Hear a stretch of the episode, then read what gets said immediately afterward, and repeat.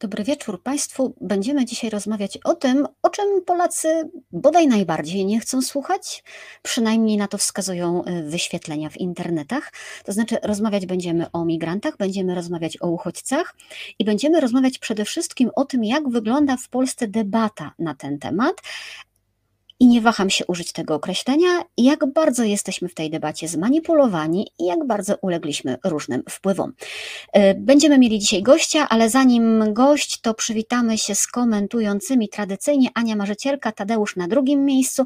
Pani Tomira szuka porad medycznych, które widziałam, że już od pani Elżbiety dostała. Ja uwielbiam te Państwa kąciki poboczne. Pan Stanisław mówi, że tego tematu nie należy pomijać. Absolutnie nie zamierzam. Państwo wiedzą, jak się uprę i wiem, że o czymś trzeba mówić to niech sobie wyświetlenia spadają, a mówić trzeba. Pani Ewelina, pani Irena, pani Agata, pan medalikarz i pani Agata z Belgii i pani Edyta się melduje.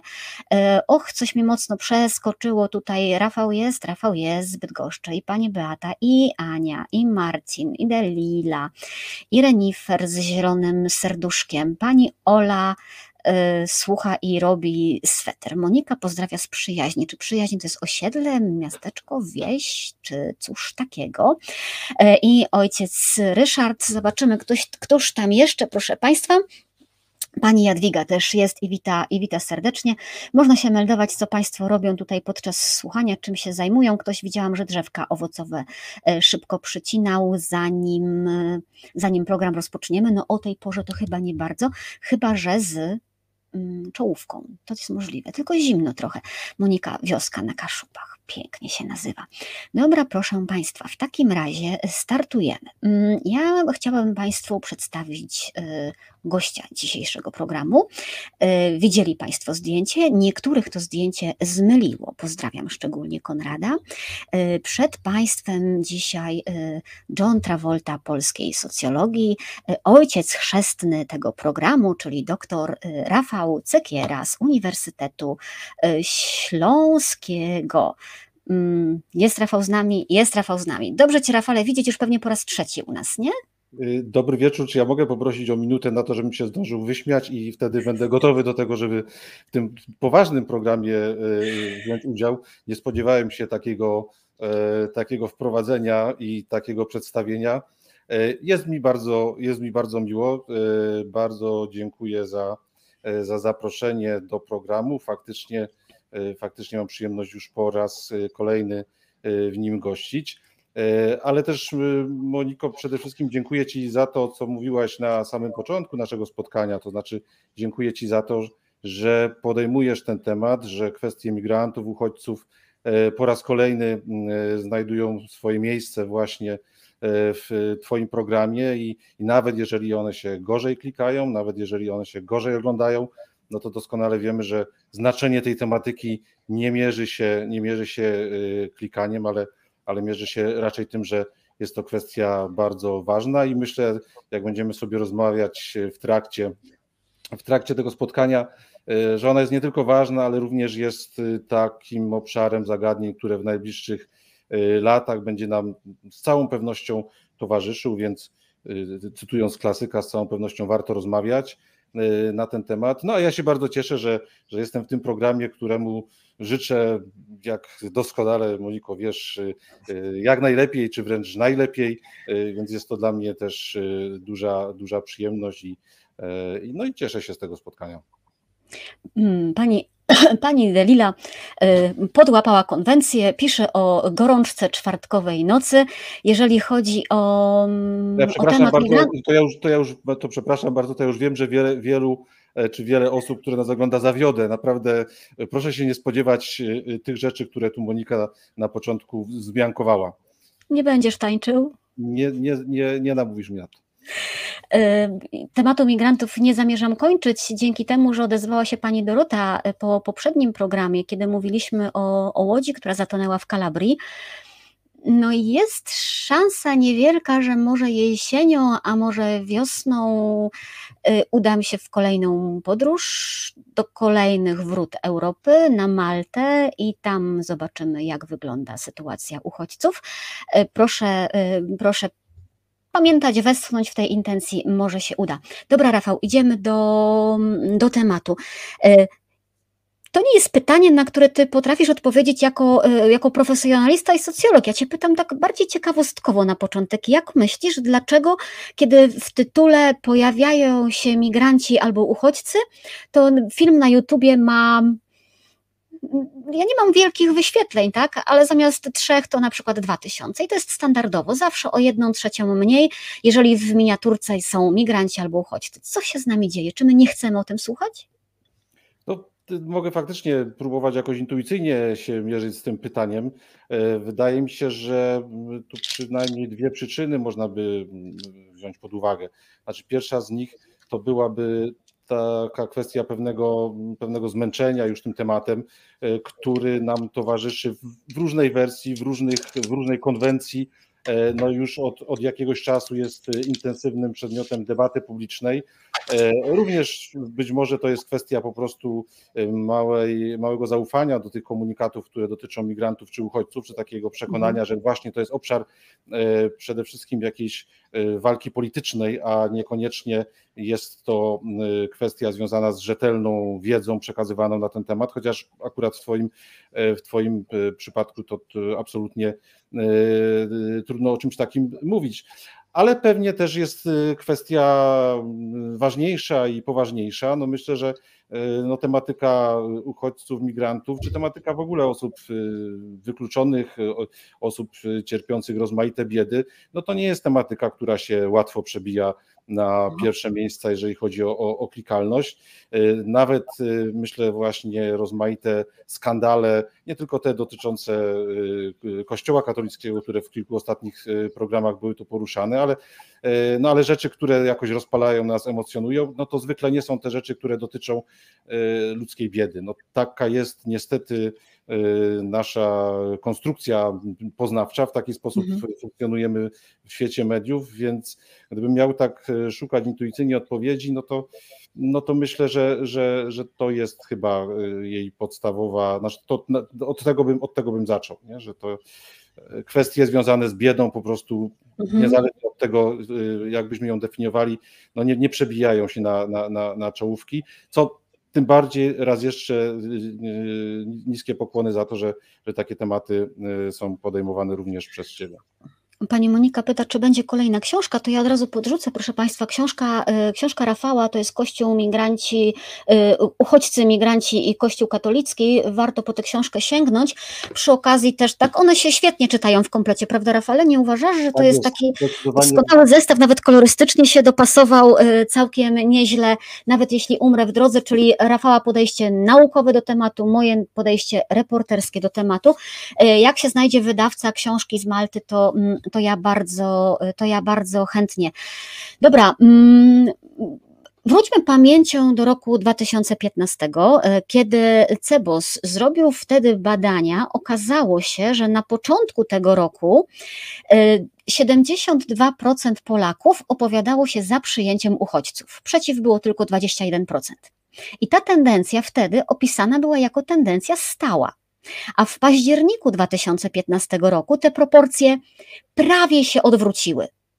E, w międzyczasie się nic wielkiego nie wydarzyło, to znaczy nie było zamachów terrorystycznych, nie było wielkich przestępstw z udziałem cudzoziemców. No teoretycznie nie stało się nic, co mogło wzbudzić lęk. Co się w takim razie stało? No tak, te kilka miesięcy 2015 roku e, to jest faktycznie fenomen, e, e, który już na różne sposoby był analizowany. To znaczy, jak to możliwe, że w ciągu zaledwie kilku miesięcy postawy w stosunku do jakiegoś zagadnienia społecznego zmieniły się tak y, diametralnie. I, I, faktycznie, tak jak mówisz, w tym czasie nie wydarzyły się jakieś takie wydarzenia, które, e, które zwykło się jakoś łączyć. Y, już pomijam kwestie słusznie, niesłusznie. E, myślę tu właśnie o, o jakichś zamachach terrorystycznych e, na przykład, ale to, co się wydarzyło, no to się wydarzyło w Polsce, wydarzyło się mm, no bardzo nieprzyjemne nałożenie się na siebie właśnie te zjawiska, które zwykło się określać mianem kryzysu migracyjnego z kampanią wyborczą, e, szczególnie przed wyborami parlamentarnymi, chociaż o tym może też warto wspomnieć, o tym też w książce wspominam, już podczas kampanii prezydenckiej w trakcie debaty zadano pytanie dotyczące przyjmowania uchodźców i Bronisławowi Komorowskiemu i Andrzejowi Dudzie. Obaj kandydaci zgodnie podkreślili, że oczywiście należy, należy uchodźcom pomagać, że jesteśmy otwarci na ich przyjmowanie. Natomiast w, w tych miesiącach no, rozgorzała kampania wyborcza. Politycy znaleźli bardzo użyteczne paliwo do tego, żeby wykorzystywać tą sytuację, z którą się z którą mieliśmy do czynienia, czyli z tym zwiększonym napływem ludności z południa do Europy, no zaczęto rozbudzać rozmaite strachy, oferując remedium, no to remedium polegające na tym, że należy właśnie wybrać daną partię, która jako jedyna będzie w stanie nas obronić przed tymi zagrożeniami, które, które, które opisywano. W ten sposób stworzono w Polsce taki wizerunek fantomowego uchodźcy. No, nie mieliśmy... Dobra, po kolei, poczekaj, czekaj, czekaj, że, że tu się nie zapędzaj. Po kolei, obnażamy po kolei, proszę Państwa, nikt tego przed nami nie zrobił. Po kolei, krok po kroku, elemenciki tej kampanii. Jak to się robi, żeby wzbudzić w nas strach? Czyli po pierwsze, obraz uchodźcy. Jak to się robi i jak on był tutaj zrobiony? Jak to się stało? No tak, to ja myślę, że wielu z nas pamięta te kalki, te, te, te określenia w, w rodzaju młode byczki, terroryści, gwałciciele, okładki czasopism, że to są nachodźcy, nie uchodźcy i tak dalej, i tak dalej. Jeśli weźmiemy też pod uwagę fakt, że no, Polska była krajem relatywnie monoetnicznym, relatywnie monoreligijnym, no więc te strachy też padały na dosyć podatny grunt, przez to podatny, myślę o tym, że po prostu y, pewne strachy wynikały, czy łatwo było te strachy rozbudzić, bo one wynikały z naturalnych ludzkich obaw, tak? To znaczy, jeżeli czegoś nie znamy, to, y, to nas łatwiej tym przestraszyć.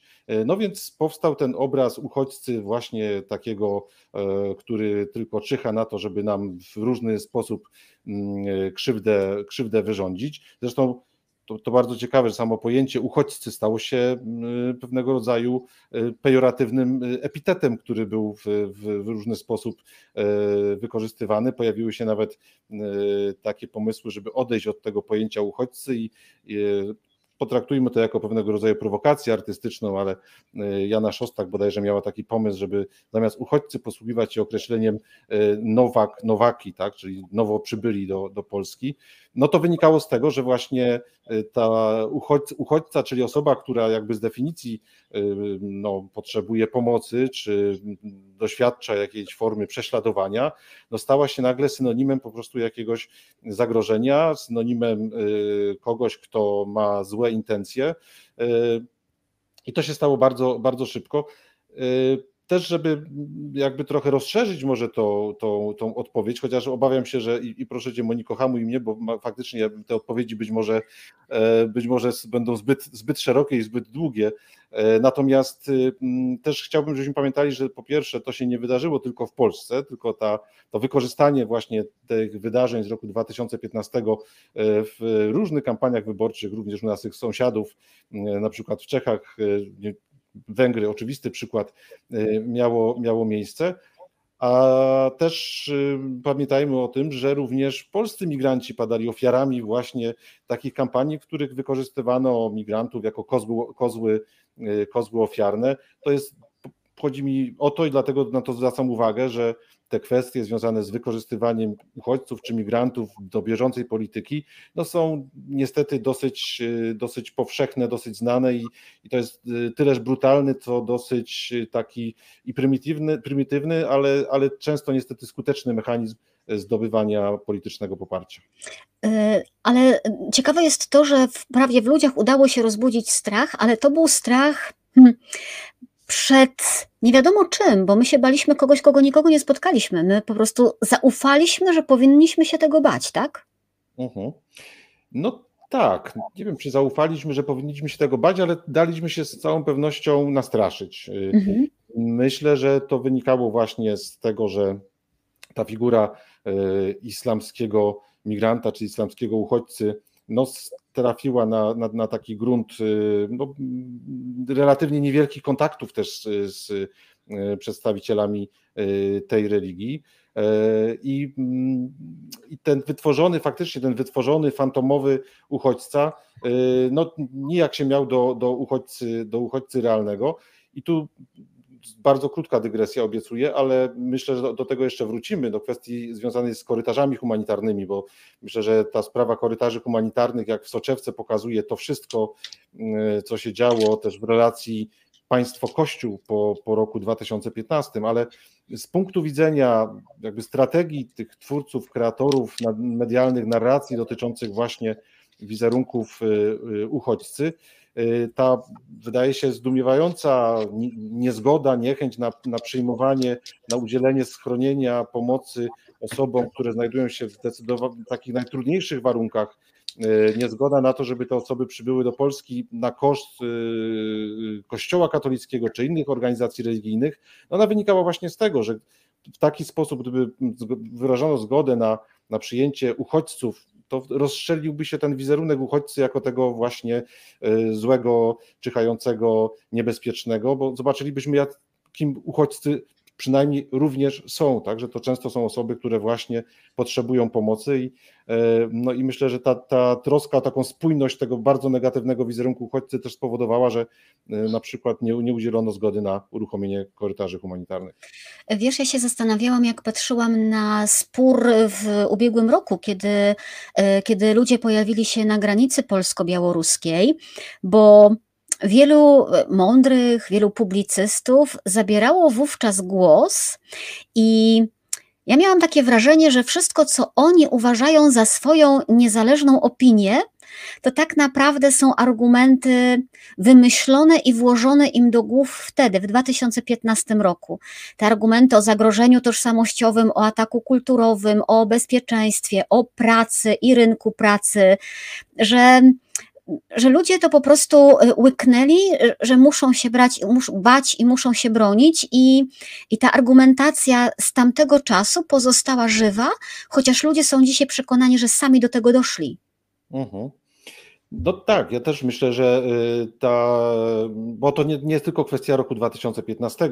No mhm. to, to, jeszcze przez kilka, y, ja wtedy też jakoś zacząłem się bardziej systematycznie tym zajmować i, y, i, i, i te analizy dotyczące i debaty publicznej, ale również mediów no, w tej książce się, się znajdują, ale po roku 2015 ten, ten, ten, temat również był przecież, mówiąc kolokwialnie, podgrzewany przy okazji różnych wydarzeń politycznych, które próbowano przykryć właśnie, e, czy które, które próbowano zwekslować, czy przenieść, przesunąć ciężar właśnie na kwestie związane e, z, z, z migrantami, z uchodźcami. E, jeden z przykładów też, który opisuję w tej książce, no to jest jedna z, z demonstracji w roku bodajże 2016 bądź 2017, teraz nie, nie pamiętam. Demonstracja, która dotyczyła praworządności, przestrzegania demokracji w Polsce i tak dalej, i tak dalej. No i lider partii rządzącej w reakcji na tą, tą demonstrację mówił, że oto idą osoby, które chciały przyjąć islamskich imigrantów do Polski, tak? To znaczy jakby zupełnie innego porządku była ta odpowiedź, e, mhm. ale, ale to zresztą też widzieliśmy to w, w, w mediach publicznych, e, kiedy pojawiała się jakaś e, sytuacja trudna, no ten temat migrantów, tego zagrożenia migrantami z tymi samymi kalkami, z tymi samymi zdjęciami, z tymi samymi ujęciami y, znów był, y, znów się pojawiał i, y, i to faktycznie też myślę o tym, że w roku 2021, kiedy mówimy o tych wydarzeniach zapoczątkowanych w Usnarzu, te kalki znowu wróciły i, i być może znowu nie być może, tylko, tylko jestem o tym przekonany osobiście, że, że znowu ta sytuacja stała się stała się elementem bardzo brutalnej e, gry politycznej. E, mhm. No, co znowu sytuacja 24 lutego ubiegłego roku znowu nieco albo bardzo, albo bardzo właśnie zmieniła, zmieniła ten, ten układ i to, co, to, co mm, ten nasz stosunek do, do, do, do uchodźców, chociaż to, to znowu jest bardzo ciekawy temat i pewnie też jeszcze do niego za moment wrócimy. Mm, wiesz co, y, jakby przerwę ten mój rytm, który miałam sobie tutaj ułożony, bo też odnoszę się do komentarzy, które, które są tam na ekranie. Wyświetla się komentarz pani Lei, która pisze, że niektórzy powracający z zagranicy nasi rodacy przywieźli taki wizerunek. Mm, ty obserwowałeś, jak takie mówienie o wizerunkach y, pod tytułem Moja kuzynka patrzy z okna i widzi, jak to się łatwo roznosiło w internecie. Mhm. To jest bardzo fajna historia o tym. Tak, to, to do, do tego komentarza pani Lei też się chętnie za moment wprost od, od, odniosę, bo to też jest faktycznie ciekawy aspekt Mhm. związany z migracjami, ale jeśli chodzi o, e, o to roznoszenie się właśnie informacji, czy o to, jak, w jakich obiegach informacyjnych skutecznie funkcjonujemy, to faktycznie no, przeprowadziłem taki, również opisany w tej książce, że tak będę też sobie pozwalał tu na, na odnoszenie się do, do tej niezwykle ciekawej i, i, i wielce pożytecznej, chociaż y, no, nie, niekoniecznie szczególnie y, zawsze przyjemnej książki. Natomiast Natomiast y, zrobiłem taki bardzo banalny, mały eksperyment. Polegał on na tym, że w roku 2015, właśnie e, kiedy mieliśmy do czynienia z tym apogeum e, tego zjawiska określonego mianem kryzysu migracyjnego, chociaż wydaje mi się, że kryzys solidarności to jest lepsze pojęcie na, na określenie tych zjawisk. No więc y, Komitet Badań nad Migracjami Polskiej Akademii Nauk przygotował taką odezwę krótką, naprawdę jak na środowisko akademickie napisane językiem takim, że można e, łatwo zrozumieć, komunikatywnym, e, w którym badacze, którzy od lat zajmują się kwestiami migracyjnymi, e, próbowali no, zdefiniować sytuację, opisać to, w jakim miejscu się znajdujemy, z czym się łączą te zjawiska i tak dalej, i tak dalej. Krótki, jednostronicowy komunikat. W tym czasie mniej więcej jedna z anonimowych blogerek gdzieś na Facebooku mieściła taki bardzo emocjonalny post, w którym pisała o tym, że właśnie ma kuzynki, jedną ma w Rzymie, a drugą ma gdzieś w Grecji i te kuzynki z okna widzą, co się dzieje, więc ona, cytuje, nie da sobie y, kitu wcisnąć i tak dalej, i tak dalej, taki bardzo emocjonalny, najeżony różnymi teoriami spiskowymi y, był to post. I zauważyłem, że ten post się dosyć szybko i rozpowszechnia gdzieś po różnych y, właśnie z y, mediach społecznościowych i po trzech miesiącach przeprowadziłem naprawdę naj, naj, najbardziej banalny z możliwych eksperymentów, to znaczy wpisałem w wyszukiwarkę Google'a pierwsze zdanie tego stanowiska profesorów, gremium, które się zajmuje zjawiskami migracyjnymi i pierwsze zdanie tego komunikatu no tej mm, blogerki z, z Facebooka no i wynik był dosyć naprawdę zdumiewający. To znaczy, do tego komunikatu mm, naukowców pojawiło się 8 odnośników, 8 linków, a do komunikatu tej nieznanej wcześniej z jakichkolwiek migracyjnych aktywności e, e, anonimowej blogerki, tych, tych linków było 2850. To znaczy, to jest to jest taka różnica, która myślę pokazuje nie tylko jeśli chodzi o kwestie migracyjne, ale pokazuje bardzo wyraźnie, o będę miał teraz trochę więcej czasu na to, żeby Państwu poopowiadać. E, ona pokazuje, myślę, ta różnica bardzo wyraźnie to, w jakim świecie, jeżeli chodzi o kol, kolportaż informacji, o, o, obiegi informacji, o obiegi informacji, w jakim świecie funkcjonujemy i, i te komunikaty właśnie straszące, emocjonalne, no z całą pewnością dużo szybciej się roznoszą w tej, dużo bardziej też są zgodne z tą logiką mediów społecznościowych. Tu znowu moglibyśmy i o memach porozmawiać i moglibyśmy tu... Dojdziemy hasłowo, do memów pewnie. Okej, okay, to tylko hasłowo jeszcze chciałem tu zwrócić uwagę na to, że y, to, że młodzi ludzie intuicyjnie postrzegani jako ci bardziej otwarci, odważni, no częściej w roku 2015 i, i w tych latach kolejnych obawiali się migrantów, obawiali się uchodźców, to to też myślę właśnie wynika z tego, że to młodzi ludzie mm, właśnie częściej informacje czerpią z tej przestrzeni y, wirtualnej. Wiesz, ja nie zastanawiam się, czy jakby migranci i uchodźcy nie padli trochę ofiarą y, dużo szerszego zjawiska, z jakim mamy do czynienia, to znaczy zasadniczo z kryzysem autorytetów i z tym, że no jakby my się znamy na wszystkim w zależności od tego, co się dzieje, tak? Na skokach narciarskich, na leczeniu konkretnych chorób i zasadniczo nie słuchamy specjalistów. Ja przecież Państwu o tym mówiłam, że ja poszłam na, na studia podyplomowe z pomocy humanitarnej, żeby sprawdzić, czy ja zwariowałam i jestem naiwną romantyczką, czy rzeczywiście e, to, co się działo na, na granicy polsko-białoruskiej, było łamaniem prawa i łamaniem zasad humanitarnych, ale, ale ja będąc tam i słuchając specjalistów, nie mam wątpliwości, tylko że specjalistów dzisiaj nikt nie słucha. My wolimy uwierzyć anonimowej blogerce, która jednak obserwuje rzeczywistość w maleńkim wycinku, a nie tak jak naukowcy potrafi spojrzeć na całe zjawiska. Tak, no to jest, wydaje mi się, problem y, na osobny, osobny co Mhm. najmniej osobny jeden pro, program. Y, To, co się stało z, z autorytetami właśnie i, i to, że y, komu y, przydajemy wiarygodność, komu jesteśmy w stanie zaufać. No ja właśnie gdzieś odwołując się do tego banalnego przykładu, który przed momentem przywołałem, częście, często no, jakoś go zestawiam na przykład z taką sytuacją y, lotu samolotem, tak? To znaczy ko- komu byśmy, z kim byśmy y, woleli lecieć, z kimś, kto potrafi nam emocjonalnie opowiedzieć o tym, jak świetnie, jak świetnie prowadzi ten samolot, no czy z kimś, kto przedstawiłby nam y, dowody na to, że, że po prostu się na tym, na tym, na tym zna. I to jest y, z całą pewnością zjawisko y, o konsekwencjach być może jeszcze trudnych dla nas samych do przewidzenia. Ta erozja autorytetu nauki, ta pseudonauka i to, że y, właśnie ta, y, ka, każdy może stać się teraz autorytetem, jeżeli tylko potrafi odpowiednio atrakcyjnie y, przygotować i, i, i mówiąc językiem handlowym sprzedać swój komunikat. Mm, Wiesz, y, jeżeli wrócimy do tej kampanii, to takie mam wrażenie i no trochę też o tym piszesz, chociaż tego tak nie nazywasz. Pierwszym oszustwem tej kampanii, pierwszym kłamstwem, te, kłamstwem tej kampanii było y, przeciwstawienie y, PiSu rządom PO i tłumaczenie, i do dzisiaj mamy to wbite w głowę, że opozycja, dzisiaj opozycja, wtedy PO, chciało przyjmować uchodźców.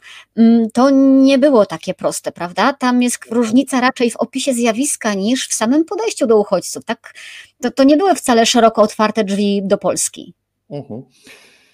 No tak, to faktycznie to myślę jest jeden z takich y, fake newsów, które, y, które uznaliśmy już za, za, za, za prawdę, Mhm. mm, któ- który polega na tym, że właśnie rządy, poprzednie rządy przed rokiem 2000, no przed, przed zmianą rządu, czyli rząd Ewy Kopacz chciał przyjmować e, jakoś bardzo chętnie bardzo dużą liczbę uchodźców. To wcale tak, e, wcale tak nie było. Co prawda jest kilka takich e, krótkich, wyciętych fragmentów, które no jak, jak mantra są gdzieś w mediach publicznych, mm, czy były w mediach publicznych pokazywane wypowiedzi niektórych polityków e, Platformy, którzy właśnie mówią o tej gotowości do przyjmowania uchodźców, ale wcale tak, wcale tak e, do końca nie było i, i też bardzo taką restrykcyjną politykę m, rząd Ewy Kopacz planował prowadzić.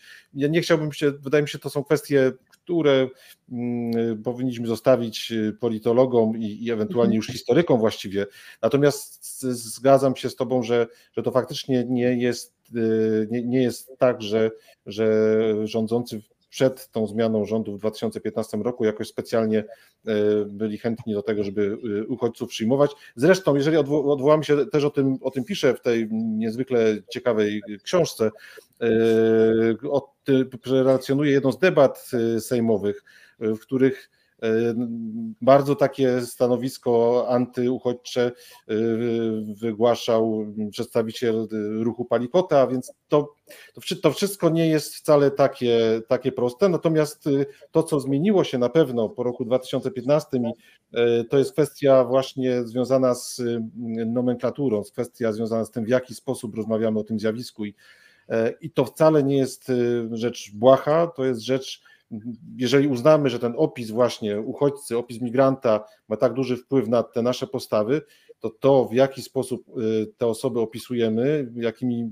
y, słowami je określamy, no ma kolosalne znaczenie dla naszych postaw, więc ta zmiana, ta zmiana języka, rozmowy o tym no, no jest bardzo ważną zmianą i, on, i konsekwencje jej właściwie do dziś y, obserwujemy. Tamta kampania była, była bardzo brutalna, ona była wręcz szokująca. y, I ona zrobiła straszliwą rzecz. Ona była y, dehumanizująca tych ludzi. Y, ja tylko przypomnę, że tam się pojawiały teksty o lokajach y, z Etiopii, tam się pojawiały teksty o mm, ludzkich śmieciach, y, tam się pojawiały komentarze polityków po kampanii, że ja wprawdzie nie mam nic przeciwko tym ludziom, ale jakoś te wybory trzeba było wygrać. Tam było mówienie o tym, że w zasadzie najlepszym wyjściem byłoby te łodzie, które przybijają do wybrzeży Europy, zatapiać. Mm, Rafał, czy ciebie to nie przeraża? Rozumiesz, jak ty na to patrzysz jako socjolog, bo to jest cyniczna gra, y, Wybor, y, politycy wybory wygrali i tak naprawdę ten temat z nich zszedł, oni nim dzisiaj nie żyją, a w ludziach nienawiść i strach pozostały.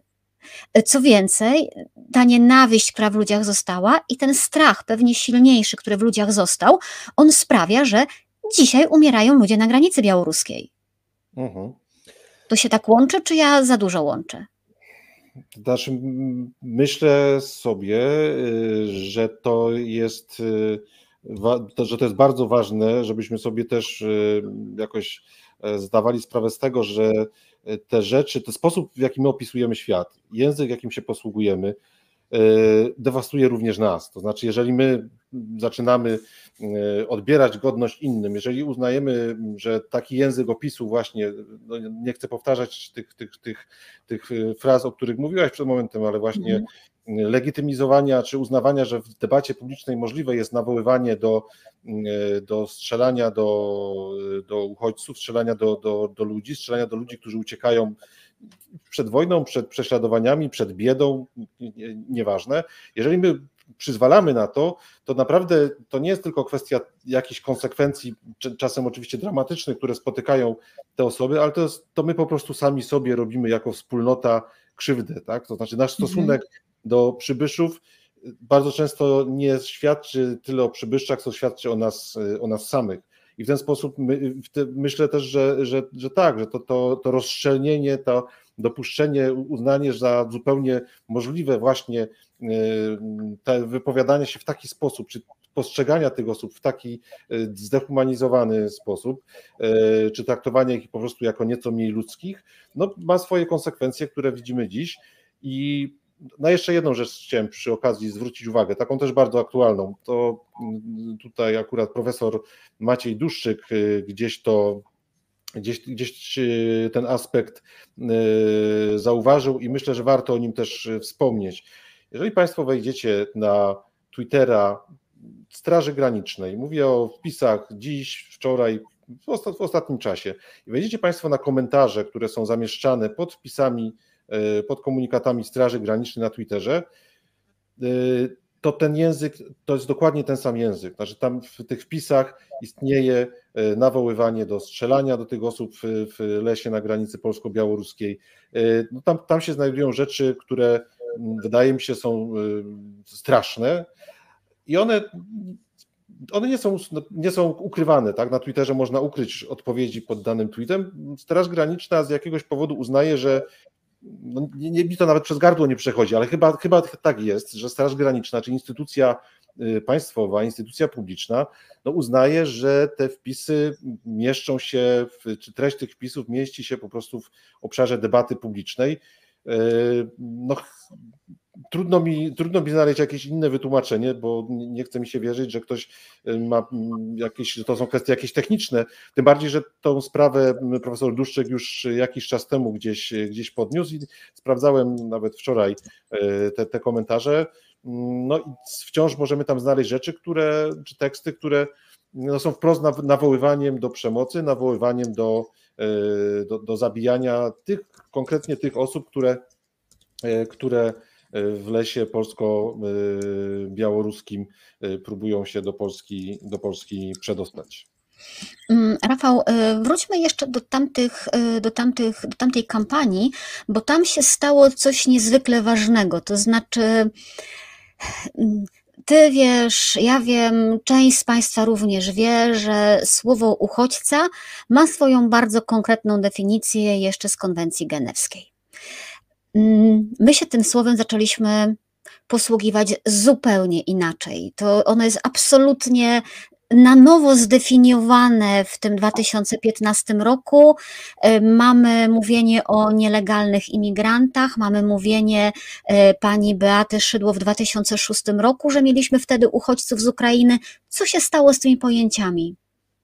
Znaczy, te pojęcia weszły w obieg polityczny i zmieniły, zmieniły właściwie e, swoje, swoje znaczenie. Tak jak, tak jak wspomniałaś, właśnie to też historia z roku 2016, kiedy, kiedy argumentem na rzecz nieprzyjmowania, czy, czy braku solidarności właśnie z, z Włochami czy z Grecją, jeśli chodzi o, o, o uchodźców, no, pojawił się taki argument, że w Polsce mamy e, milion uchodźców z Ukrainy, kilka dni czy kilka tygodni później ówczesny minister Mateusz Morawiecki mówił, że mamy 350 tysięcy uchodźców z Ukrainy. No wszystko to spowodowało, że ambasador Ukrainy musiał e, no, publicznie prostować te informacje, mówiąc o tym, że, że przecież e, że przecież e, to są osoby, które przyjechały wówczas w zdecydowanej większości przyjechały do, do, do, do pracy, które tu pracują i nie są, nie są uchodźcami.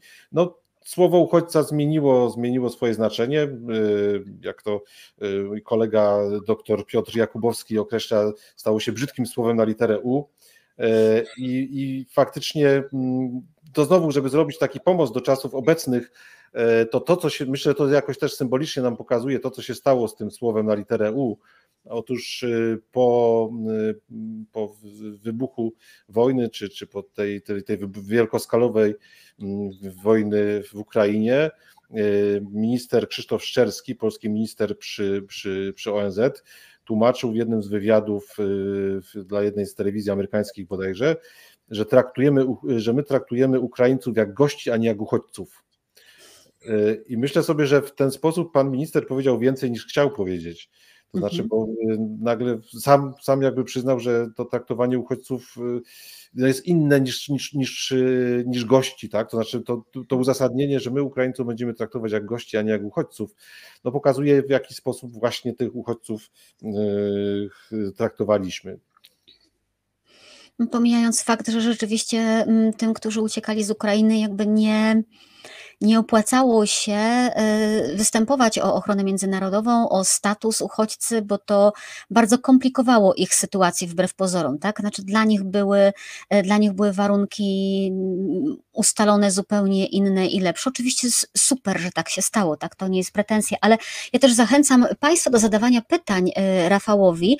Tutaj gdzieś wyłuskałam z tego, co Państwo komentują, jak Ty to tłumaczysz, dlaczego tak różny jest stosunek Polaków Polaków do uchodźców z Ukrainy i do tych, którzy pojawiają się na granicy białoruskiej. Czy to jest kwestia koloru skóry, czy to jest kwestia religii? Mm, niektórzy powiedzą, że ja to usłyszałam ten argument, że no bo wiesz, bo ludzie są mądrzy i odróżniają jednych od drugich. No ale co odróżniają? Życie ludzkie odróżniają na bardziej warte, więcej warte i mniej warte, skąd ta różnica? Czy ty, ty jakoś próbujesz, rozumiesz, czy wy to, czy jako socjolodzy nawet się nad tym zastanawiacie? Uh-huh. To znaczy, y, miał spróbować y, sprowadzić to do jakiejś takiej krótkiej, syntetycznej odpowiedzi, to myślę, że to jest kwestia przede wszystkim tego, w jaki sposób te osoby, które do nas przybywają, są opowiedziane. Znaczy, mhm. jeżeli mm, potrafimy, uczciwie opowiemy uchodźcę, no to, to uczciwe opowiedzenie jest jakimś warunkiem startowym tego, tej naszej otwartości.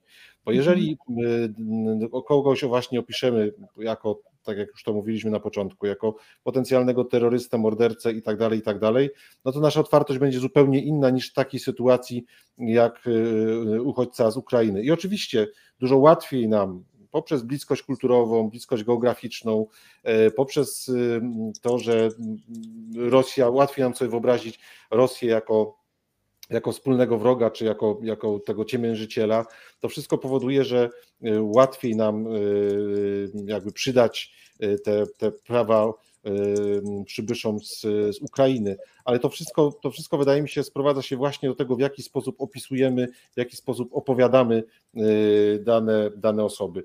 Dziś no, też internet obiegła taka dosyć dramatyczna, znaczy tragiczne pokłosie dramatu, który się rozegrał jakiś czas temu, które się ciągle rozgrywają w tym lesie na granicy polsko-białoruskiej. Otóż upubliczniono zdjęcie pani Malet Kassy, zapisałem sobie to nazwisko, bo skoro nie możemy dla niej już nic zrobić, to niech chociaż to nazwisko, nazwisko gdzieś jej wybrzmi w, w, publicznie. No to jest 28-letnia kobieta z Etiopii, której ciało znaleziono kilkanaście dni temu właśnie w lesie. To zdjęcie, na którym widzimy tą tą piękną, młodą kobietę, którą, na którą czekało całe życie. No myślę właśnie, że gdyby, gdybyśmy poznali historię tych osób, które również przez tą granicę polsko-białoruską próbują mhm. do Polski się przedostać, to nasze podejście do nich byłoby inne. Natomiast jeżeli my słyszymy o tym, że to są, e, że to jest wojna hybrydowa, że to są właśnie ci agenci Putina i tak dalej, i tak dalej, no dużo łatwiej nam E, dużo łatwiej nam wtedy e, pogodzić się z tym, że po prostu traktujemy te osoby w taki sposób, w jaki, w jaki traktujemy. I też. Mhm. Tylko Rafał, czyja to jest wina, że my tych historii nie słyszymy? Rozumiesz, bo, bo mm, tłuczemy ten temat przynajmniej od roku na tej jednej naszej granicy, tak? Ta moja książka powstawała, to już będzie za chwilę, za chwilę rok od wydania, dwa lata, kiedy, kiedy ja zaczęłam tego tematu szukać. E, są środowiska, które o tym mówią, które publikują życiorysy, a to się wciąż nie wybija z tej jednej bańki. Uh mhm. -huh. Jak tą e, bańkę przekuć? Znaczy, to z całą pewnością jest kwestia, kwestia związana z, z dostępnością czy z możliwością kreowania odpowiednich narracji, tak, narracji medialnych, narracji politycznych. Wspominałaś o, o tym roku 2015 i o tym, że wcale tak ta, ta różnica w podejściu do uchodźców nie była jakoś bardzo wyraźna, no to wróćmy do czasów e, obecnych. Tak? Ja niespecjalnie jestem przekonany, że tej polskiej debacie politycznej nie widzę specjalnie dużo polityków, którzy chcieliby, może tak, takich polityków, którzy chcieliby, mówiąc brutalnie, e, zdobywać kapitał polityczny na pomaganiu uchodźcom. Tak? Znaczy, znowu, gdyby się cofnąć, piszę o tym też w tej książce, ale mhm. gdyby się cofnąć e, do roku 2007 bodajże, wtedy również mieliśmy do czynienia z bardzo dramatycznym E, z dramatyczną sytuacją. Otóż jedna też z młodych e, kobiet, która z Czeczeni próbowała przedostać się do Austrii, e, w Polsce straciła, zmarło i trój, trój, trójka jej dzieci zmarła gdzieś w okolicach Bieszczad. No, wydarzenie tragiczne, które wówczas wstrząsnęło całą Polską. Te same teksty, czy taki sam sposób narracji, opowieści o tych wydarzeniach mogliśmy znaleźć w Gazecie Wyborczej i w naszym dzienniku, a ówczesna prezydentowa pani Maria Kaczyńska następnego dnia pojechała e, do szpitala odwiedzić tą młodą Czeczenkę, zapewniając jej, ją o tym, że wszelka pomoc zostanie jej udzielona, że jej mąż będzie mógł dotrzeć do Polski, że otrzymają status uchodźcy. I co ciekawe, dlatego wspominam o tym przypadku, że wówczas e, Wówczas y, niektórzy posądzali właśnie prezydentową Kaczyńską o, czy, czy o to, że próbuje na tragedii ludzkiej zbijać kapitał polityczny. Ja obecnie nie widzę specjalnie dużo polityków, y, którzy chcieliby właśnie zbijać kapitał polityczny na pomocy uchodźcom, na y, raczej mówimy tu o, tej, o tych uchodźcach nie, nie z Ukrainy, raczej, no raczej kapitał polityczny zbijany jest na na budowaniu, most, budowaniu murów, a nie na budowaniu, na budowaniu y, mostów. I tu mhm. Y, nie rozmawialiśmy jeszcze, nie, nie, nie, nie pojawiła się kwestia też Kościoła katolickiego, bo to wydaje mi się, że to w, w tytule spotkania y, dosyć prowokacyjnie, myślę, został on usytuowany, ale myślę, że tu jest olbrzymia rola i dziś, i, i w przyszłości dla Kościoła, dla instytucji religijnych, jako takich etycznych regulatorów y, tych zjawisk migracyjnych, bo mamy już chyba absolutną jasność, że jeżeli tą sprawę zostawimy politykom, jeżeli tą sprawę zostawimy korporacjom, biznesowi, tym wszystkim, dla których człowiek jest przeliczalny jedynie w takich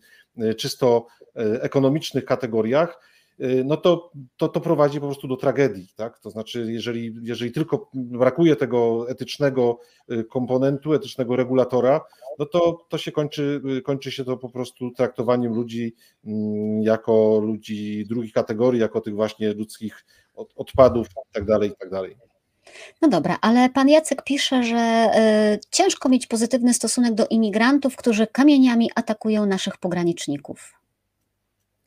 No tak, to jest kilka takich. Yy, to znowu długo, długo byśmy. Rozumiem, rozumiem ten argument. To mhm. Długo moglibyśmy tłumaczyć, yy, z czego to się bierze. Jaka część tych osób, które yy, próbują się do Polski przedostać, atakuje kamieniami pograniczników? I oczywiście ja też. To, to, też, to, to pytanie jest bardzo dobre, dobre i bardzo ważne i świetnie, że ono padło, po to, żebyśmy sobie też nie, jeżeli się pojawia gdzieś takie przeświadczenie właśnie, że mamy na, ten, na, na, to zjawisko patrzeć w taki sposób z różowymi okularami, jednowymiarowy i tak dalej, i tak dalej, to to też nie jest dobra droga. To znaczy, mhm. ja myślę, że my jesteśmy absolutnie przekonani, że e, to, to, to jest skomplikowany problem, e, który nie, to nie, i chyba y, tylko w takiej antyuchodźczej narracji pojawia się, pojawiają się takie określenia, że ktoś chce, ja nie znam osób, które chcą po prostu wpuszczać wszystkich i, mhm. i mówić, niech się dzieje to, co chce, tak?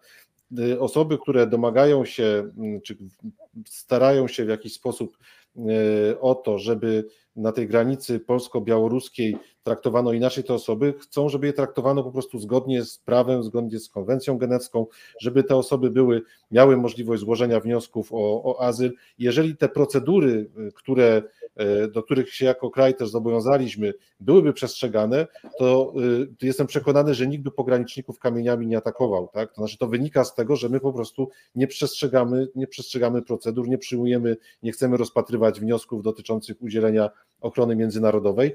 Y, I te, te, zachowania agresywne no wynikają, wynikają pewnie z tego, co jakby nie chcę tu y, uciekać tak łatwo też od, od, tego, y, od tego pytania, co nie znaczy, że wśród osób, które do Polski przybywają, tak samo jak wśród Polaków, nie znajdują się osoby, które są agresywne, które są, znaczy każdy z nas, tak, niezależnie czy jesteśmy uchodźcami, migrantami, czy w naszym przypadku polskimi obywatelami.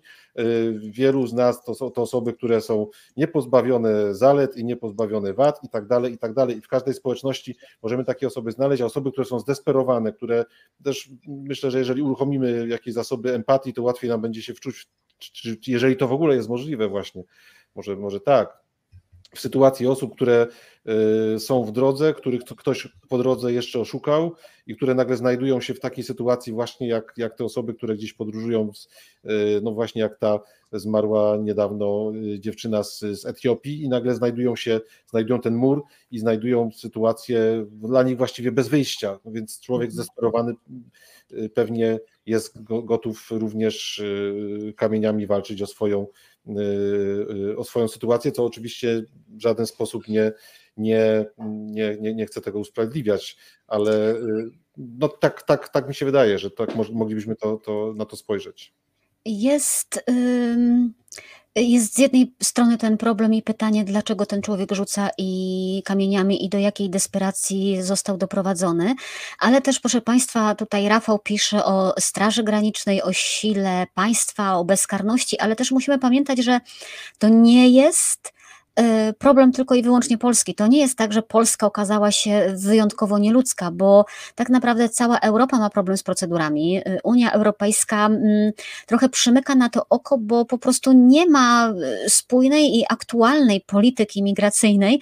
Ja o tym mówiłam w poprzednim programie, kiedy mówiliśmy o tym, co się stało na wybrzeżu Kalabrii i jak w tej chwili wkurzeni są Włosi i łącznie z politykami włoskimi, którzy czują się zostawieni trochę bez pomocy pomocy, bo y, powiem brutalnie, bo to oni muszą te, te trupy z plaż sprzątać i z wody wyławiać, a, a nie mają znikąd pomocy i nie mają, i nie mają adekwatnego prawa, więc y, to nie jest tak, że tylko Polacy okazali się wyjątkowo nieludzcy, tylko to, że Europa musi zmienić sposób myślenia o samej sobie e, i wypracować nowy sposób w ogóle swojego bycia w świecie e, i przyjmowania u siebie, ale też działania tam, gdzie można, tak? To są, bo to są bardzo ważne głosy, które płyną z Włoch dzisiaj o tym, że one nie mówią o tym, że mm, mamy naprawić cały świat, ale że y, ważne jest to, co my zrobimy dzisiaj z handlarzami na przykład, tak? Z handlarzami ludźmi,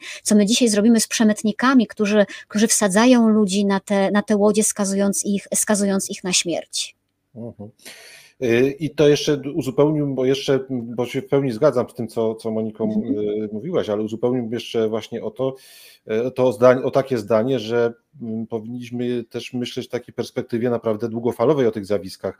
Dlatego wiele osób bardzo się irytuje tymi określeniami typu kryzys migracyjny, bo właściwie mamy kryzys za kryzysem. Kryzys zakłada, że to jest jakiś przejściowy stan, uda się postawić mur, uda się wprowadzić jakieś rozwiązania, które doprowadzą do tego, że wrócimy znowu do jakiejś, e, do jakiejś e, dawnego świata. Tymczasem my jesteśmy po prostu w nowej sytuacji i e, ja się w pełni zgadzam z tym, że to oczywiście to nie jest kwestia właśnie tylko Polska, o czym też gdzieś tam próbowałem to sygnalizować. To jest problem, który ma też cała Europa który, który, którym się boryka. Te pomysły dotyczące właśnie fortecy Europy, które ma, ma, zmierzają właśnie do zamykania się nad, na, świat zewnętrzny, ale które też są przecież no, globalizacja Y, demografia i tu długo byśmy mogli na ten temat rozmawiać, są takie przyczyny, które pokazują, że ta forteca Europa to jest też znowu jakiś, y, y, jakiś pewien mit, który będzie bardzo trudny do utrzymania. Ja znowu tu pozwolę sobie wrócić właśnie do tego zadania, które, które myślę, no papież Franciszek świetnie rozczytuje, to znaczy tego nawoływania, nawoływania o to, że tym fundamentem, priorytetem musi być godność ludzka. Tak? I to jest to też y, y, w taki sposób papież opisuje zadanie Kościoła katolickiego, że, że Kościół katolicki musi się, musi się upominać o, o godność człowieka, że ten człowiek ma być punktem wyjścia. Cała reszta to już jest robota polityków, kwestia polityk migracyjnych. Każde państwo ma prawo do prowadzenia własnej polityki migracyjnej. W jaki sposób chce y, integrować migrantów i tak dalej, i tak dalej. To są sprawy już, które są do rozstrzygania przez polityków. Natomiast z punktu widzenia y, Kościoła katolickiego, z punktu widzenia instytucji religijnej, najważniejsze jest właśnie wołanie o to i pilnowanie tej sytuacji, że y, punktem wyjścia musi być człowiek, bo jeżeli instytucje religijne tego nie będą przestrzegały, no to trudno mieć nadzieję, że y, politycy czy, czy właśnie świat, y, świat finansjery będzie, będzie w taki sposób o tych zjawiskach myślał. E, pani Urszula pisze, że Europa nie może być jedynym wyjściem na całe zło tego świata. E, pan Jacek pisze, że musimy przenieść akcenty i skupić się na przyczynach emigracji.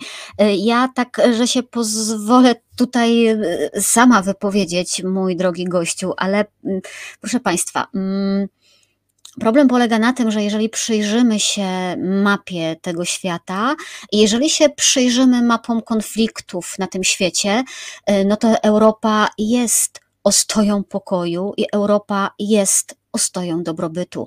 E, ci ludzie nie mają dokąd uciekać, jak tylko do Europy. No, jeszcze do Stanów Zjednoczonych, ale tam przez ocean muszą przepłynąć i to jest lekko skomplikowane logistycznie, jeżeli mamy do dyspozycji tylko dmuchany pompon, e, ponton, pompon, ponton, oczywiście. E, I oczywiście możemy przynosić akcenty i oczywiście możemy się skupiać na przyczynach emigracji, tylko znów, jeżeli wejdziemy na przykład w strukturę konfliktów afrykańskich, to to my po prostu nie wyobrażamy sobie, jak to jest skomplikowane i jak bardzo nie jesteśmy w stanie tego od tak, jakąś europejską ingerencją, mądrością czy pieniędzmi nawet y, uleczyć. To tam my nie mamy tam do czynienia z państwami narodowymi, ukształtowanymi, które, y, które po prostu wystarczy dać pieniądze i one nagle zaczną żyć w spokoju. Tam są tysiące rodów, klanów, języków sztucznie połączonych w państwa i prawdopodobnie sytuacja tam y, uspokoi się i ureguluje za 100, 200, 300 lat, tak, że będziemy mieli tam rzeczywiście państwa takie, jakie są w Europie, jeżeli w ogóle w tym kierunku te kraje pójdą, może w ogóle w zupełnie innym kierunku. Y, nie da się tego zrobić tak, żeby wyleczyć wszystkie przyczyny emigracji ludzi z, z krajów afrykańskich. To jest, to jest dzisiaj, to jest utopia. Tego się nie da inaczej nazwać.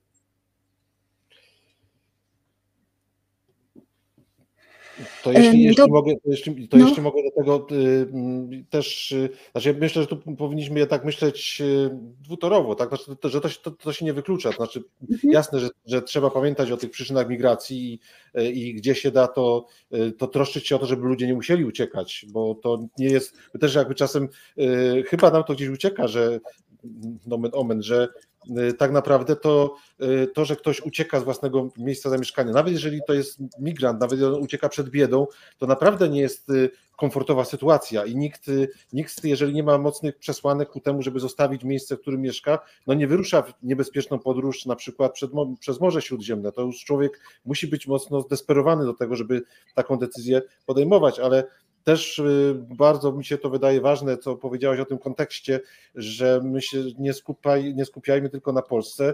E, dane Wysokiego Komisarza y, y, do spraw uchodźców ONZ pokazują, że przekroczyliśmy liczbę 100 milionów osób w ubiegłym roku, które zostały zmuszone do opuszczenia swoich domostw. Jeszcze nigdy, odkąd się te dane prowadzi, te statystyki prowadzi, ta liczba nie, nie była na tym poziomie. Znaczy my, my faktycznie w Europie myślimy teraz o Ukrainie i to jest, to jest absolutnie zrozumiałe i to jest oczywiste. Myślimy o tym, co się dzieje w, w, właśnie na terytorium Unii Europejskiej, natomiast zdecydowana większość uchodźców to są osoby, to są, to są osoby, które migrują e, w inne tereny. Tak? To wśród tych 100 milionów oczywiście są też e, wewnętrzni e, przesiedleńcy, ale my dotykamy jakiegoś małego skrawka tego zjawiska, które z roku na rok jest E, coraz bardziej liczne, coraz bardziej poważne. Jeżeli jeszcze weźmiemy pod uwagę prognozy dotyczące właśnie na przykład uchodźców e, e, klimatycznych, no to wchodzimy w, właśnie w tą nową sytuację. To już nie jest kryzys, tylko to jest jakaś nowa sytuacja, z którą będziemy sobie musieli poradzić i z całą pewnością możni tego świata niekoniecznie właśnie rwą się do tego, żeby, żeby znajdować takie rozwiązania, które będą wychodziły właśnie od, od, od od, od człowieka, od jego godności. Jeżeli mówimy o jakiejkolwiek mm, pomocy, ingerowaniu i naszym byciu czy nie byciu centrum świata, to myślę, że takim pierwszym krokiem, znaczy niestety nie naszym, indywidualnym, ale jednak politycznym, byłoby po pierwsze nie wywoływanie tam konfliktów dla naszych własnych europejskich interesów, e, nie grabienie ich zasobów i surowców, tak? Często wywoływanie konfliktów po to, żeby łatwiej było e, grabić zasoby i surowce. To jest zmiana polityki klimatycznej, proszę Państwa, bo jakby duża część tych konfliktów, nie wiem, kwestia Sudanu, Sudanu Południowego, Darfuru, tam ogromną rolę e, odegrały zmiany klimatyczne, odegrała susza i głód, tak? Więc, więc i to spowodowało kolejne, kolejne ucieczki ludzi e, na, do, do Europy, więc, więc w tym sensie trudno jest, oczywiście, że Europa nie będzie lekarstwem na wszystko, co się dzieje w świecie, ale Europa nie może powiedzieć, że nie bierze odpowiedzialności za to, co się dzieje, tak? To jest jednak zupełnie inna rzecz, że, że my tę odpowiedzialność y, musimy, tutaj Jacek pisze, albo żeby sprzedawać broń, wywoła, wywoływać konflikty. My musimy być świadomi tej naszej odpowiedzialności, że do, jednak coś od nas, y, coś od nas zależy. Ale y, Rafał, bo my nie dojdziemy do tego, co nas tutaj interesowało mamy mniej więcej zarysowany obraz sytuacji. On jest y, bardzo y, chaotyczny i, i, Państwo w książce wyczytają zdecydowanie więcej, ale y, program miał tytuł trochę prowokacyjnie Kościół kontra migranci. Jak ty, analizując nauczanie Kościoła na ten temat i w tym czasie, jak ty to oceniasz? Czy Kościół rzeczywiście stanął za migrantami, czy to było Kościół kontra migranci? Co się tutaj w tym przekazie wydarzyło? Mhm. No właśnie, to na, na, początku pewnie, ale postaram się naprawdę krótko i syntetycznie, bo na początku pewnie powinniśmy jednak zdefiniować, co rozumiemy przez Kościół, ale mhm. rozumiem, że mówiąc Kościół, myślimy w tym przypadku o, o, o hierarchach, o, o, instytucji Kościoła, jej, jej reprezentantach.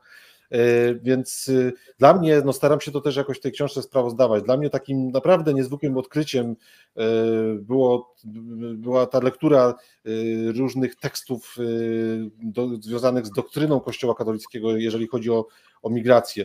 To znaczy, My jesteśmy chyba też y, często jakoś tak przekonani, że to właśnie papież Franciszek jest jakoś tak y, uwrażliwiony na tym punkcie, no bo wiadomo, jego babcia, y, która migrowała w lecie w tym futrze, w którym przemycała te wszystkie dobra rodzinne, ma te korzenie migracyjne, więc w związku z tym kładzie taki nacisk na te kwestie. Tymczasem no gdybyśmy na, naprawdę przeczytali to, co na temat uchodźców, na temat migrantów pisał na przykład Jan Paweł II, no to myślę, że byłoby naprawdę bardzo wielkim szokiem poznawczym dla wielu. Znaczy, jestem w stanie naprawdę się założyć o sporo, że gdyby na przykład z tych orędzi na Światowy Dzień Uchodźcy, Uchodźcy Imigranta usunąć autorów, to bardzo trudno byłoby nam rozróżnić, który tekst napisał Wojtyła, który napisał Bergoglio, a który napisał Ratzinger.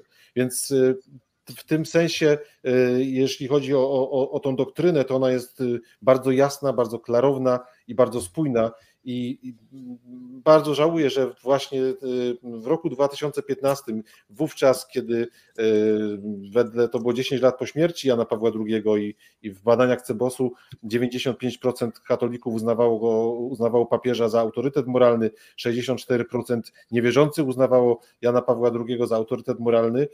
Bardzo żałuję, że wtedy, wtedy nie E, tej sytuacji związanej właśnie z uchodźcami, z migrantami nie opowiedziano przez Wojtyłę.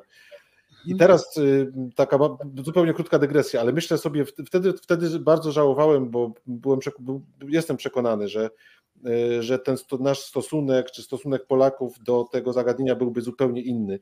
A dziś sobie jeszcze tak myślę, właśnie dygresyjnie, że gdyby wówczas y, poprzez Wojtyłę opowiedziano kwestie migrantów i uchodźców, poprzez jego teksty, które są naprawdę bardzo kategoryczne, bardzo stanowcze i bardzo jednoznaczne. E, zresztą sam papież zainaugurował w ogóle przygotowanie tych, tych, tych orędzi. To dzisiaj dużo łatwiej byłoby dyskutować o Karolu Wojtyle, który stał się szczególnie dla młodego pokolenia po prostu jakimś memem, jakimś y, kimś, kto, ktoś tam coś z pedofilią i tak dalej, jakby w ogóle zupełnie nie kojarzymy Jana Pawła II z obroną praw człowieka, a to y, i to jest zdumiewające i jakby gdy, myślę, że gdyby właśnie o uchodźcach, o migrantach opowiedziano przez Wojtyłę, to też mielibyśmy dużo większą świadomość tego, jak wiele w tym, w tym zakresie, jak wiele właśnie Jan Paweł II wniósł do, też do, do doktryny Kościoła katolickiego. Natomiast wiem, że pytasz mnie pewnie o, bardzo wprost o, też o e, reakcję polskiego Kościoła na przykład na te, na te zjawiska i myślę, że tu jeżeli chodzi o e, kwestie właśnie związane z, z różnymi tekstami, wypowiedziami hierarchów, no to możemy, możemy mówić o dwóch takich jakby stanowiskach, E, pierwsze, myślę, że bardzo jasne i klarowne.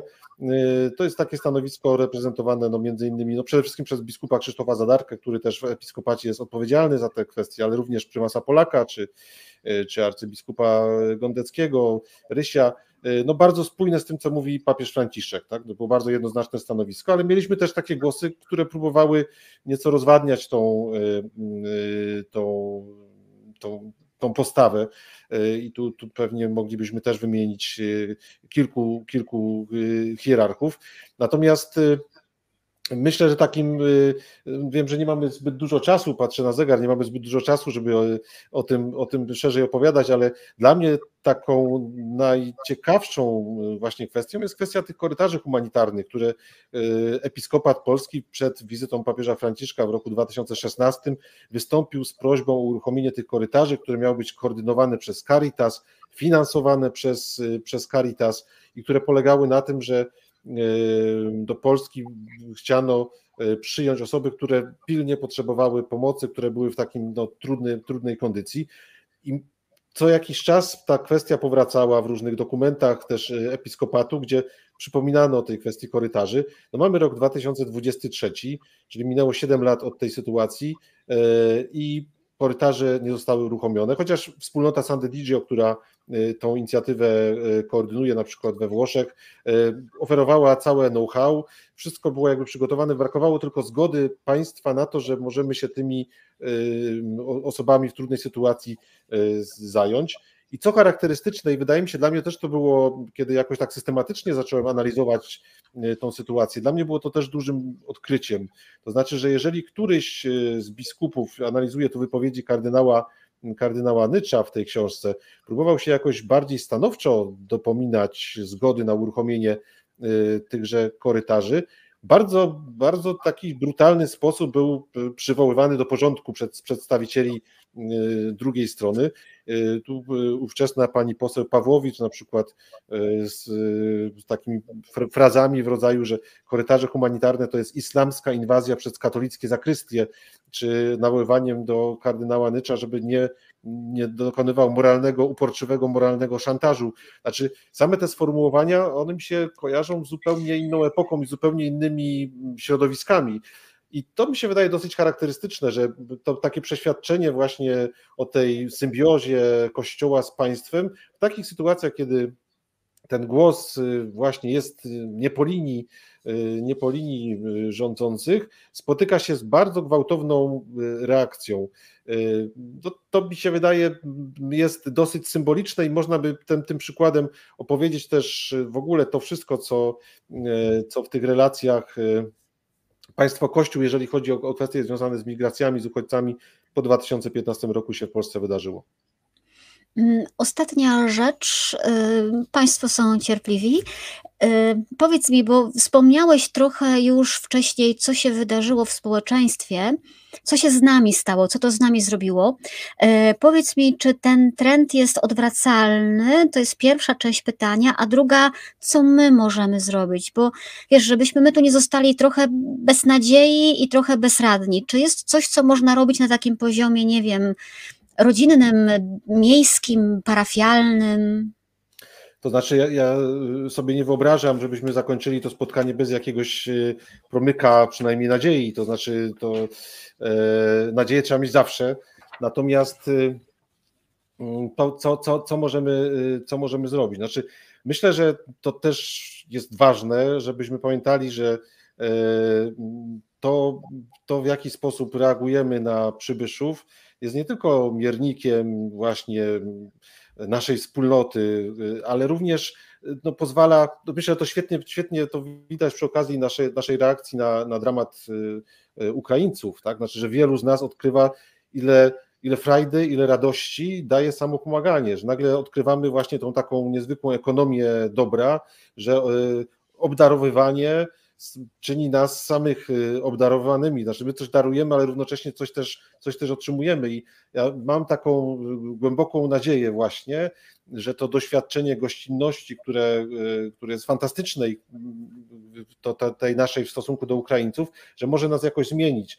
Derrida kiedyś napisał takie ładne zdanie, że każde doświadczenie gościnności tworzy nowy język i też mam taką nadzieję, że to doświadczenie gościnności, które e, jakoś świetnie się utrzymuje właściwie przez, przez ten rok ciągle, mimo, mimo tego, że wielu z nas było przekonanych, że się bardzo szybko wypali, że to nas jakoś zmieni, to zmieni też nasz stosunek po prostu do, do, do, do innych, że będziemy potrafili właśnie jakoś rozszczelnić tą kategorię e, przybyszów, że nie będziemy już tacy podatni na, na strach.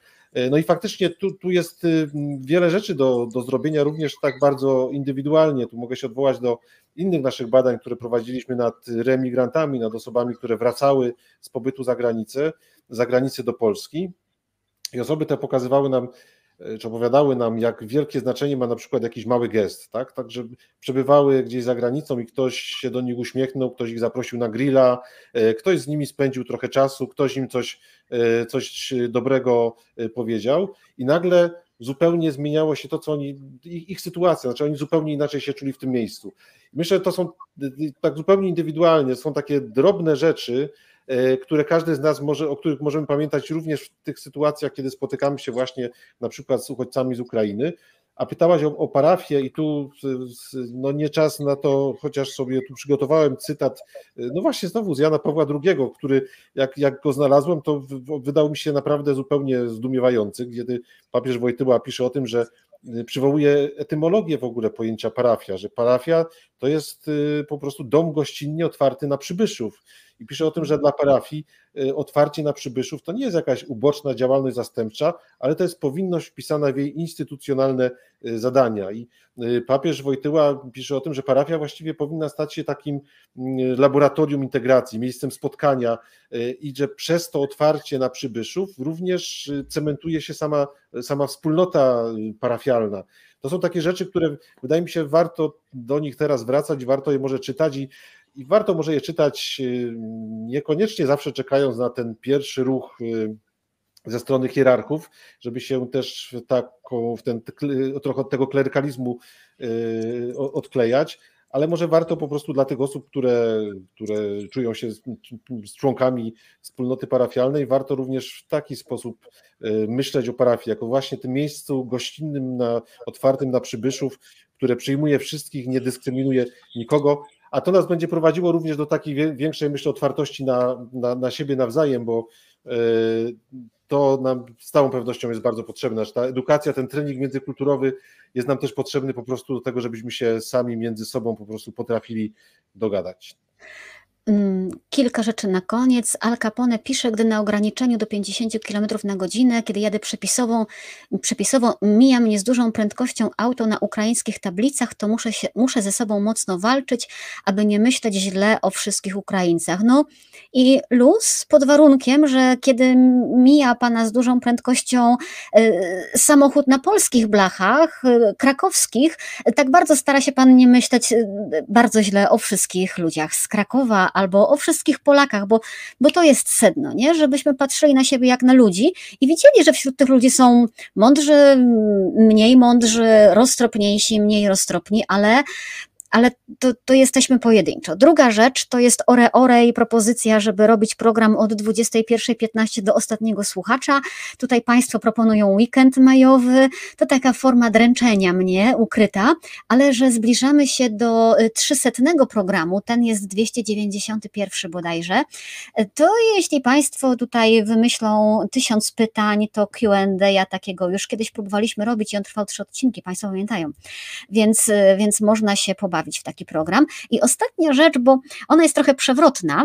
Ja nie wiem, czy Rafał nie będzie chciał tu czegoś dopowiedzieć, ale. E, o właśnie, e, Kazimierz pisze o tym aucie, że jeszcze może być z rybką na zderzaku, tak? Te auta z rybką na zderzaku mają bardzo złą opinię. Pytanie, czy wtedy myślimy bardzo źle e, o wszystkich katolikach? Niektórzy tak. Rafał gdzieś podrzucił taką myśl. Rafał jest historykiem, jest przewodnikiem po biskupinie. Pisał, że barbarzyńcy najeżdżali Rzym, y, że barbarzyńcy ten Rzym zniszczyli, ale sobie myślę, kurczę, proszę Państwa, z tego powstały potem gotyckie katedry.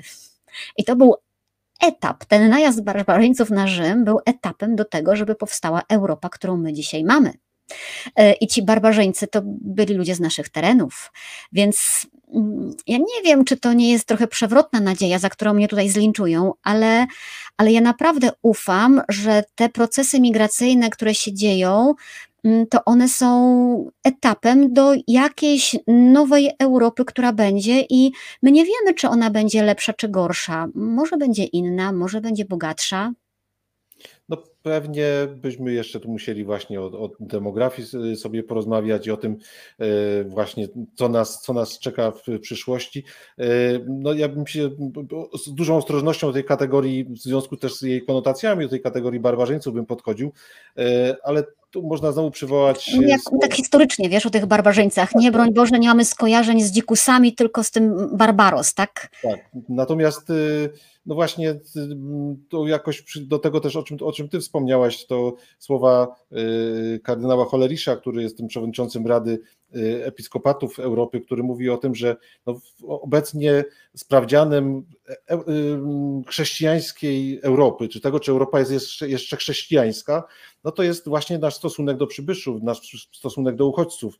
E, I mm, zresztą sam mówi, że symbolem, symbolem chrześcijaństwa współcześnie w Europie no jest, ta, jest ten krzyż zawieszoną kamizelką za, za, za uchodźcy, który gdzieś, gdzieś utonął.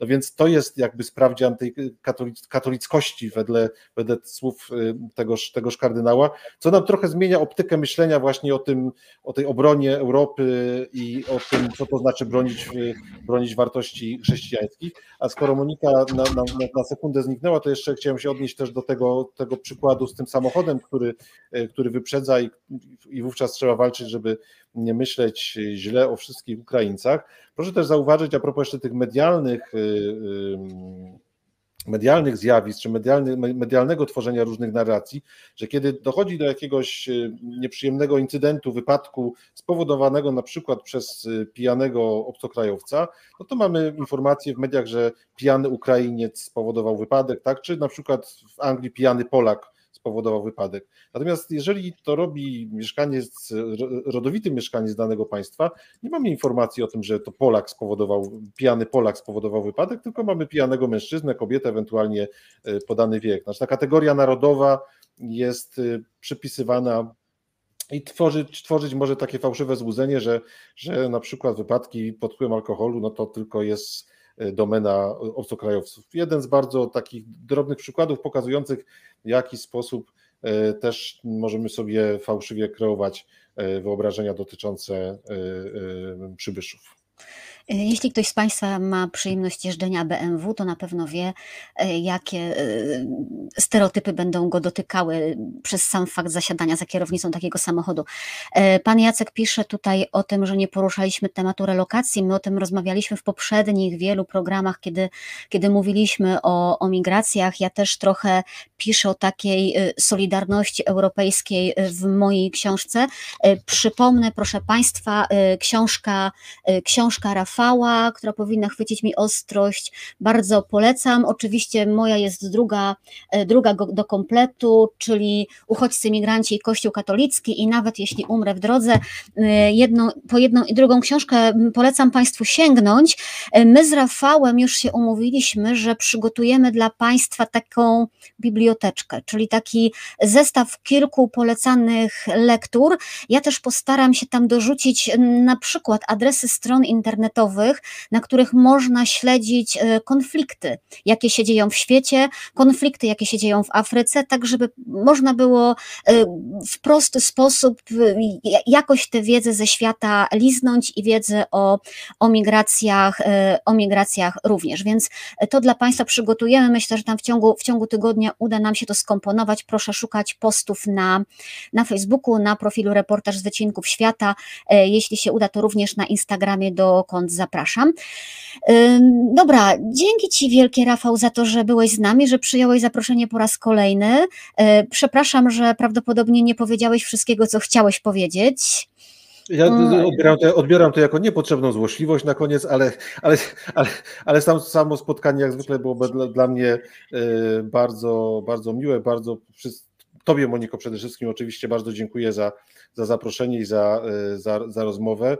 E, również za tą książkę, o której, o której, o, o której wspominałaś, Twoją książkę. E, mhm. Wszystkim Państwu za, za cierpliwość, za, za komentarze, które pewnie po tym spotkaniu będę mógł, będę mógł przeczytać.